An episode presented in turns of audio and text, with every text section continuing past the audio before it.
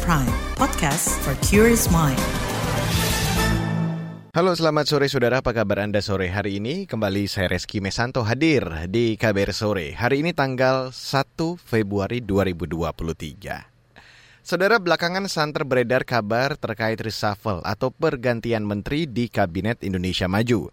Informasi yang beredar, Presiden Joko Widodo akan mengumumkan pergantian anggota kabinet pada Rabu Pon berdasarkan penanggalan Jawa dan kebetulan hari ini adalah Rabu Pon. Menteri Koordinator Bidang Perekonomian Erlangga Tarto bahkan menyebut reshuffle dilandasi masalah kinerja dan politik.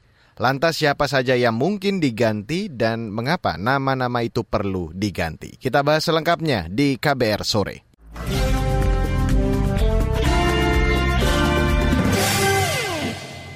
Saudara Presiden Joko Widodo mengisyaratkan adanya pergantian menteri. Kendati begitu, Jokowi tidak mengatakan secara tegas kapan dan siapa yang akan diganti. Oh iya, besok sore saya ke Bali pagi siang masih di Jakarta dan besok itu Rebu Pon.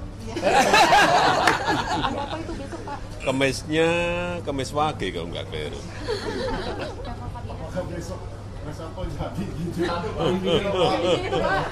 Ya ditunggu aja besok. Ditunggu saja besok. Ditunggu saja besok. Ditunggu saja besok. Hmm? Rabu pon besok. Oh, enggak, enggak, enggak. Ya biasa ada masalah-masalah yang harus kita. Tadi ada dua menteri yang sudah hadir dalam rapat bersama Pak Presiden, Pak Mentan sama. Ya mungkin pas keluar kota. Yang utama memang performa kinerja bahwa ada apa sisi politiknya pasti juga ada tapi itu bukan yang utama. Tapi berarti kinerja kabinet Bapak sekarang baik-baik saja semua atau Baik-baik saja secara umum. Ya kalau secara khusus pasti ada yang uh, performanya, kinerjanya perlu dievaluasi biasa tuh. Ada ada koreksi dari setiap perjalanan yang biasa. Sementara itu, tenaga ahli utama kantor staf kepresidenan Ali Mokhtar Ngabalin membenarkan adanya rencana reshuffle tersebut. Meski begitu, Ali Mokhtar mengatakan pergantian anggota kabinet merupakan hal biasa dalam sebuah kabinet negara. Insya Allah kalau tidak ada aral melintang, seperti begitu. Biasa saja, itu kan kalau presiden mengangkat, memberhentikan para pembantunya, itu hal yang biasa saja. Begitu juga dalam undang-undang kan eh, biasa saja, jadi tidak perlu ada orang yang menerjemahkan dalam berbagai perspektif. Normal saja. Undang-undang juga menjelaskan dengan sangat pilihan kata yang tepat dengan ini. Jadi eh, normal dan santai saja. Kalau ada partai politik yang eh, menyerahkan kader-kader terbaiknya kepada presiden terpilih untuk membantu presiden dalam tugas-tugas pemerintahan, maka kedudukan partai, fungsi dan kewenangannya ada di parlemen untuk mengontrol jalannya pemerintahan. Jadi kalau nanti ada menteri atau ada yang diganti, ada yang digeser ke beda tempat, eh, bukan hal yang baru kan terjadi pada pemerintahan Presiden Jokowi dan itu normal saja. Ali Mokhtar Ngabalin mengatakan pergantian menteri atau anggota kabinet bergantung pada kebutuhan Presiden Jokowi. Apalagi saat ini Jokowi ingin menyelesaikan tugasnya dengan baik di waktu yang tersisa. Tentu saja bahwa Presiden punya punya penilaian tersendiri karena yang berhak mengangkat dan memberhentikan para anggota kabinet itu, Nisa, itu adalah Presiden. Jadi kalau nanti Presiden punya penilaian kemudian ada yang diganti, ada yang diberhentikan, atau ada yang digeser, tidak ada lain dan tidak ada bukan kecuali bagaimana upaya yang dilakukan oleh Presiden untuk meningkatkan kualitas kerja, efektivitas kerja di sisa waktu yang ada. Jadi saya juga mau bilang supaya eh, kita tidak perlu mengkait-kaitkan dengan eh, urusan-urusan uh, lain daripada apa yang menjadi kebijakan Presiden Joko Widodo. Saudara isu reshuffle kabinet berembus kencang setelah dalam rapat terbatas dua menteri tidak hadir, yaitu Menteri Pertanian Syahrul Yasin Limpo dan Menteri Lingkungan Hidup dan Kehutanan Siti Nurbaya Bakar. Baiklah kita jeda sejenak, setelah jeda akan saya hadirkan laporan khas KBR yang menyoroti ambisi politik para Menteri Jokowi. Tetaplah di KBR Sore. You're listening to KBR Pride, podcast for curious mind. Enjoy!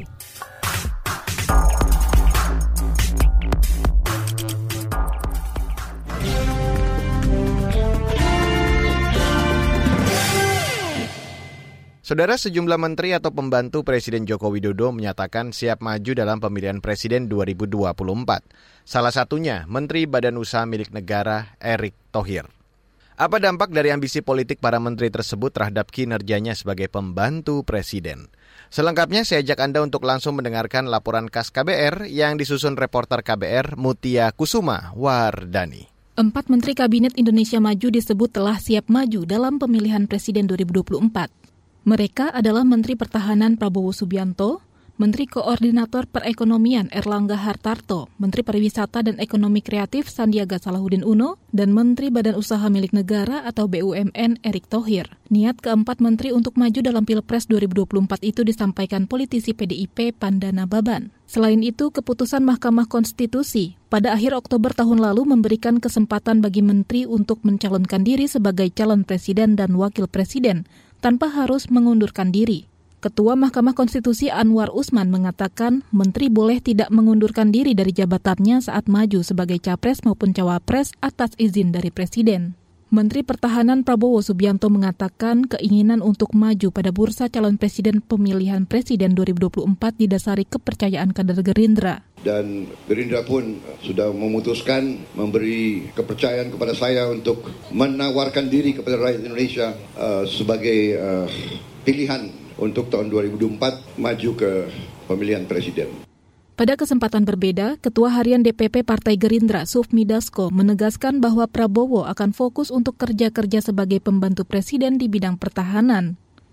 Menurutnya, hal itu sudah menjadi komitmen Prabowo saat melakukan rekonsiliasi dan menerima jabatan sebagai Menteri Pertahanan. Selain Prabowo, Menteri BUMN Erick Thohir mengantongi capaian tingkat elektabilitas tertinggi sebagai calon wakil presiden potensial pada Pilpres 2024. Pada hasil survei Poltreking akhir tahun lalu, Erick mengungguli elektabilitas Menparekraf Sandiaga Uno dan Menko Perekonomian Erlangga. Hasil tersebut membuat Erick Thohir masuk radar Capres-Cawapres oleh Koalisi Indonesia Bersatu atau KIB pada Pesta Demokrasi tahun depan. Menurut Sekretaris Jenderal PAN Edi Suparno, Erick memiliki kedekatan dengan partainya. Ini disampaikan Edi pada November tahun lalu. Dengan tidak mendahului proses internal di partai ya, Pak Erick Thohir itu termasuk bakal calon yang sering datang ke PAN dekat dengan PAN. Jadi saya kira ya karena intensitas kedekatannya, intensitas pertemuannya itu tinggi sekali, ya sangat wajar kalau Pak Erik itu uh, nama yang sangat diingat oleh Pak Zul dan mungkin juga diingat oleh pengurus-pengurus PAN. Ya, di samping itu memang kita juga punya intensitas tinggi misalnya dengan Pak Ridwan Kamil. Dia siapa dekat dengan kita tentu pasti akan kita paling ingat. Erick Thohir juga resmi masuk bursa calon Ketua Umum Persatuan Sepak Bola Seluruh Indonesia atau PSSI pada pertengahan bulan lalu. Jabatan ketum PSSI ini kerap dijadikan sebagai batu loncatan untuk kontestasi politik. Keputusan Erik masuk bursa calon ketum PSSI itu telah mendapat izin dari Presiden Jokowi. Sekretaris Kabinet Pramono Anung memastikan pemerintah tidak akan mengintervensi hasil keputusan pemilihan calon ketua umum PSSI periode 2023 sampai 2027. Ya pertama tentunya Pak Erik maju, pasti Pak Erik sudah minta izin kepada Presiden. Nggak mungkin Pak Erik maju tanpa izin Presiden. Sehingga beliau secara resmi sudah mengajukan diri untuk jadi calon. Nah sekarang terserah kepada pemilih, voter. Keinginan sejumlah menteri untuk mengikuti kontestasi politik tersebut dinilai akan berdampak pada kinerja mereka. Pengamat kebijakan publik Trubus Rahardiansah mengatakan, masyarakat akan terus mengaitkan kinerja maupun program pemerintah yang dikerjakan menteri-menteri tersebut sebagai kampanye politik harusnya itu terkait dengan kinerja menteri ini kan kaitannya dengan layanan publik, jadi harus berhenti gitu ya, artinya harus cuti, dia harus cuti, sehingga tidak menimbulkan konflik of interest gitu, konflik kepentingan. Karena memang apa masa kampanye, masa ini juga nanti banyak menggunakan fasilitas negara kan, kalau dia masih melekat sebagai menteri. Jadi menurut saya ini kesadaran para menterinya itu untuk mengundurkan diri gitu. Di kesempatan berbeda, pengamat politik Ujang Komarudin mengatakan Presiden Joko Widodo berwenang mengevaluasi kinerja menteri-menterinya jika tidak fokus dan optimal. Ia menilai menteri-menteri yang berniat maju pada Pilpres akan rawan konflik kepentingan. Jangan sampai nanti ada konflik kepentingan, jangan sampai juga nanti bisa menggunakan birokrasi dijadikan sebagai alat politik kepentingan bagi menteri-menteri tersebut dalam konteks pencapresan itu. Jadi saya melihatnya ya apa namanya soal kinerja ya biar nanti Jokowi yang menilai, biar Jokowi yang melihat, biar Jokowi yang mengevaluasi apakah bagus atau tidak. Ya saya sih melihatnya ya standar dari parameter ukuran bagus atau tidak itu ya harus dilihat dari dua perspektif. Pertama dilihat dari uh, user, usernya Presiden Jokowi ya, tentu Pak Jokowi yang tahu. Yang kedua dilihat dari perspektif masyarakat.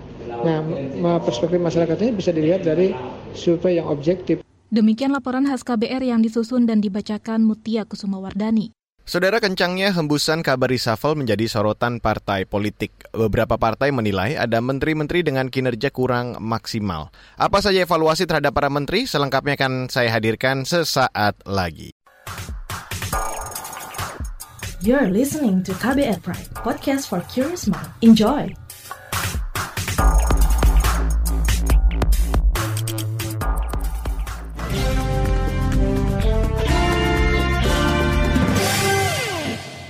Sejumlah partai politik bersuara terhadap kinerja para menteri maupun isu pergantian menteri. Juru bicara Partai Demokrat Herzaki Mahendra Putra memberikan catatan khusus terhadap kinerja sejumlah menteri di masa kepemimpinan Presiden Joko Widodo. Sektor pangan, ketenaga kerjaan dan hukum menjadi sorotan karena terjadi berbagai masalah dalam beberapa waktu terakhir. Apalagi sisa masa jabatan Jokowi tinggal satu tahun lagi. Jika terjadi reshuffle kabinet, Herzaki Mahendra Putra meminta agar menteri baru dapat fokus bekerja dan memiliki koneksi yang baik dan sesuai dengan cara kerja Jokowi. Berikut saya hadirkan perbincangan jurnalis KBR Siti Sadida dengan juru bicara Partai Demokrat Herzaki Mahendra Putra. Soal isu reshuffle menteri ini, kalau dari Demokrat sendiri melihat kinerja menteri saat ini itu seperti apa sih Pak dan apakah memang perlu ada pergantian begitu Pak? ya reshuffle itu prerogatifnya presiden ya. Beliau lah yang seharusnya yang benar-benar memahami apakah memang reshuffle itu dilakukan atau tidak gitu. Karena kan seharusnya yang menjadi dasar kan adalah apakah misalnya nih ya visi-misi beliau yang beliau janjikan di kampanye itu bisa terpenuhi atau tidak selama ini gitu. Apakah para menteri yang ada itu bisa bantu mewujudkannya atau tidak. Kan gitu. Kalau ternyata dievaluasi dan dirasa bahwa ternyata para pembantu presiden ini do nothing misalnya ya, atau malah menghambat uh, pencapaian kinerja presiden sesuai dengan janji-janji kampanyenya ya wajar saja kalau kemudian misalnya ada evaluasi. Nah, sehingga kalau dari kami melihatnya, silakan Pak Presiden yang punya hak prerogatif memutuskan mana nih kementerian yang dirasa perlu penggantian personil misalnya, pimpinannya, menterinya perlu diganti atau cukup dipecut saja agar bisa bergerak lebih kencang ya dan ada akselerasi ya atau misalnya sedikit evaluasi saja tanpa perlu ada perubahan apa-apa. Selama ini tapi ada kinerja menteri yang kurang nggak sih Pak? Misalnya sektor apa begitu? Kalau dari catatan Presiden kan beberapa kali misalnya soal pangan yang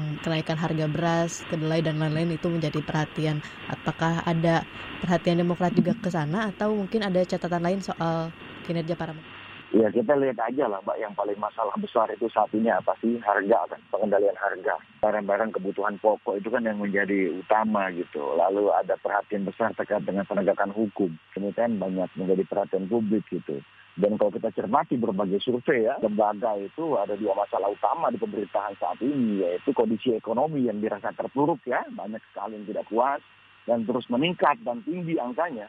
Yang kedua adalah masalah penegakan hukum. Kalau kita bicara mengenai pangan ya, setahu kami kan Pak Jokowi sempat buat itu namanya food dan macam-macam ya. Kalau kami hanya melihatnya begini saja, masyarakat saat ini butuhnya adalah perbaikan kondisi ekonomi. Nah kinerja ekonomi ini di mana nih yang mesti diperbaiki? Ya, mana yang sudah mengeluarkan tenaga terbaiknya, apa kemampuan terbaik? Tapi memang mungkin kemampuannya terbatas, belum kapasitas dan kapabilitasnya misalnya untuk mendapat tanggung jawab itu, ya. Atau kemudian ada yang dirasa sepertinya tidak sungguh-sungguh gitu misalnya mendukung beliau, misalnya kan begitu ya kan malah sibuk uh, urusan pribadi. Ya jadi kalau kami melihat ya masih disoroti masyarakat saat ini yang menjadi concern adalah mengenai kenaikan harga misalnya. Kemudian masalah makin banyak kemiskinan lalu pengangguran lapangan pekerjaan. Ya banyak yang habis covid tidak dapat kerjaan sampai sekarang masih lontang lantung. Ya ini kan yang perlu menjadi perhatian serius pemerintah.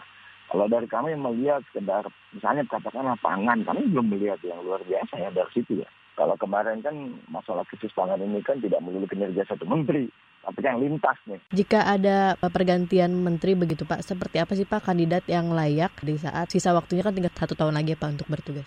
Ya kalau kami intinya adalah satu punya chemistry ya, yang selaras dengan Pak Joko Widodo lah gitu ya, jangan kemudian tidak cocok.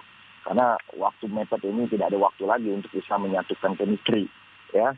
Yang kedua adalah fokus ya, melaksanakan tugas tanggung jawabnya sebagai menteri tidak bergenit-genit ria sibuk ke sana kemari melaksanakan atau melakukan kegiatan yang tidak ada kaitannya dengan uh, tugas tanggung jawab pokoknya gitu. Apalagi ternyata menggunakan anggaran negara. Bagaimanapun Pak Jokowi ini kan waktu tinggal sedikit lagi harapan beliau punya pembantu yang benar-benar optimal dan maksimal mengerjakan dan mewujudkan visi misinya ketika kampanye gitu. Karena itu yang akan ditagih oleh masyarakat gitu ya. Kalau kriteria itu dari kami dua itu aja yang utama satu adalah punya chemistry ya dengan Pak Joko Widodo, yang kedua adalah fokus bekerja benar-benar sesuai tugas tanggung jawabnya gitu. Uh, fokus saja belum tentu bisa mencapai hasil optimal apalagi kalau tidak fokus gitu. Kalau kami melihat itu masalah kapabilitas, kompetensi atau Pak Joko Widodo lah yang lebih tahu. Kalau kami ya melihat kalau ditanya pendapat kami itu hak Pak Pak Jokowi memilih siapa pun sesuai keinginan beliau, tetapi tadi harapan kami tentunya di menteri yang terpilih masyarakat untuk menginginkan sosok yang punya chemistry yang cocok dengan Pak Jokowi sehingga tidak ada waktu penyesuaian lagi, ya, tidak makan waktu lama untuk penyesuaian. Nah, kemudian yang kedua tadi harus fokus gitu pada waktu yang terbatas. Sementara itu Partai Kebangkitan Bangsa atau PKB menyerahkan keputusan reshuffle menteri sepenuhnya ke tangan Presiden Joko Widodo. Ketua Umum PKB Muhaimin Iskandar mengatakan PKB juga siap menyodorkan nama-nama kader terbaik jika diminta masukan oleh calon oleh Presiden. Ia berharap reshuffle tidak sekedar berlatar belakang politis, tapi demi meningkatkan kinerja pemerintahan. Sementara itu rencana pergantian menteri juga menjadi sorotan pengamat di beberapa bidang seperti pangan dan energi. Selengkapnya akan kami hadirkan sesaat lagi. Tetaplah di KBR sore. You're listening to KBR Pride, podcast for curious mind. Enjoy.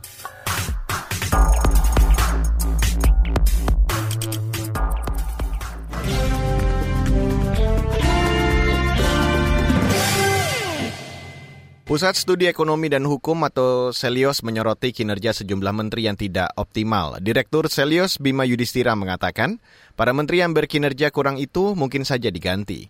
Bima berharap Jokowi perlu mengevaluasi kerja menteri yang memiliki tanggung jawab di sektor pangan dan energi yang kini menghadapi ancaman krisis. Menteri apa saja yang performa kerjanya kurang? Berikut saya hadirkan perbincangan jurnalis KBR, Heru Hetami dengan Direktur Selios Bima Yudhistira. Terkait dengan isu reshuffle yang beredar, menteri apa yang kinerjanya tidak optimal? Perlu ada evaluasi terutama menteri yang berkaitan dengan stabilitas pangan karena sebelumnya diklaim Indonesia surplus beras, data beras menunjukkan surplus, tapi hanya dalam kurun waktu yang sangat singkat diambil keputusan untuk impor beras. Dan itu sangat memukul harga gabah di level petani. Jadi menteri-menteri yang berkaitan dengan koordinasi pangan, pertanian, ini harus betul-betul dievaluasi ulang bagaimana kinerjanya dan kenapa masalah data masih saja muncul meskipun sudah ada badan pangan. Nah, jadi itu berkaitan dengan Menteri Pertanian, Menteri Perdagangan, Bulog, kemudian juga Badan Pangan. Itu pihak-pihak yang pertama kali harus dievaluasi. Bagaimana dengan ancaman resesi? Menko Perekonomian, Menko Perekonomian perlu dilakukan evaluasi bisa masuk dalam jajaran yang di reshuffle karena kondisi menghadapi ancaman resesi ekonomi dan gelombang PHK terutama yang terjadi di sektor manufaktur sampai saat ini belum ada peluncuran paket kebijakan ekonomi. Padahal sebelum pandemi saja ketika ada tanda-tanda industri mengalami tekanan, langsung dikeluarkan 15 paket kebijakan ekonomi. Tapi sekarang belum ada paket kebijakan ekonomi untuk antisipasi dari resesi. Di mana perlu langkah cepat, bukan hanya sekedar memberikan warning, tapi ada kebijakan konkret. Nah itu yang belum terlihat. Dan itu ya berarti evaluasi di Menteri Tenaga Kerja karena melihat situasi inflasi tahun depan yang masih cukup tinggi, kemudian ada tekanan dari daya beli yang bisa menurunkan konsumsi dari para pekerja, tapi upah minimum justru digugat oleh kedua belah pihak, baik pihak pengusaha maupun pihak pekerja. Nah, ini juga menjadi catatan bahwa kinerja Kementerian Tenaga Kerja, Menteri Tenaga Kerja ini menaker itu belum ideal gitu ya belum bisa menjembatani kepentingan pelaku usaha dan pekerja dan juga belum bisa kehadiran upah minimum untuk mendorong perlindungan terhadap para pekerja. Lalu menteri lainnya karena ada proyek hilirisasi dan juga uh, migrasi kendaraan listrik. Menteri lainnya ya Menteri Perindustrian ya sebenarnya. Karena sekarang ini surplus perdagangan masih condong didorong oleh sektor komoditas yang artinya struktur ekspornya masih lemah, harusnya bisa lebih didorong lagi porsi dari industri pengolahan di luar dari industri olahan primer komoditas sehingga Indonesia tidak terjebak pada swing harga komoditas sesaat. Nah, ini industri manufaktur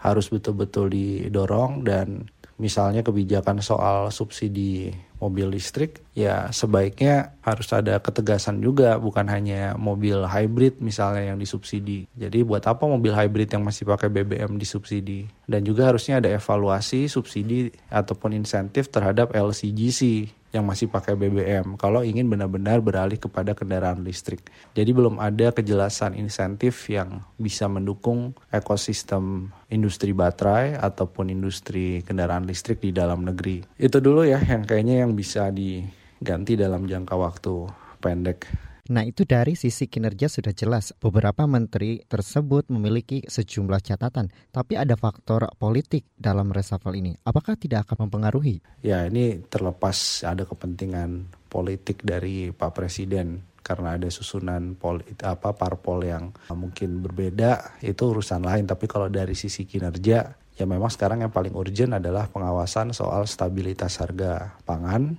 kemudian juga terkait dengan stimulus ke sektor real menghadapi ancaman resesi, juga mencegah terjadinya gelombang PHK massal. Dan satu lagi ya, yang nggak jelas itu sampai sekarang ini adalah Kementerian ESDM. Ini berkaitan juga dengan kebijakan-kebijakan yang umurnya prematur misalnya ya belum mampu mengkoordinasikan soal kompor listrik kemudian belum bisa mengkoordinasikan soal My Pertamina yang akhirnya nggak jadi di SPBU itu padahal sudah menimbulkan kebingungan dari konsumen. Kemudian juga mekanisme untuk mencegah kebocoran subsidi juga sampai sekarang baik LPG misalnya itu masih belum jelas gitu. Nah ini kelihatannya Kementerian SDM koordinasi dengan Kementerian BUMN serta BUMN teknis di bidang energi ini juga jadi catatan negatif.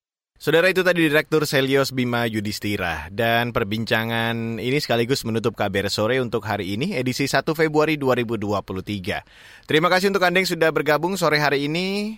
Saya mewakili tim redaksi yang bertugas sore hari ini. Kami undur diri. Salam.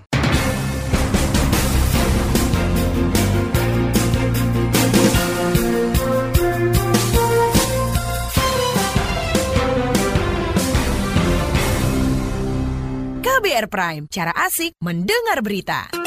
KBR Prime, podcast for curious mind.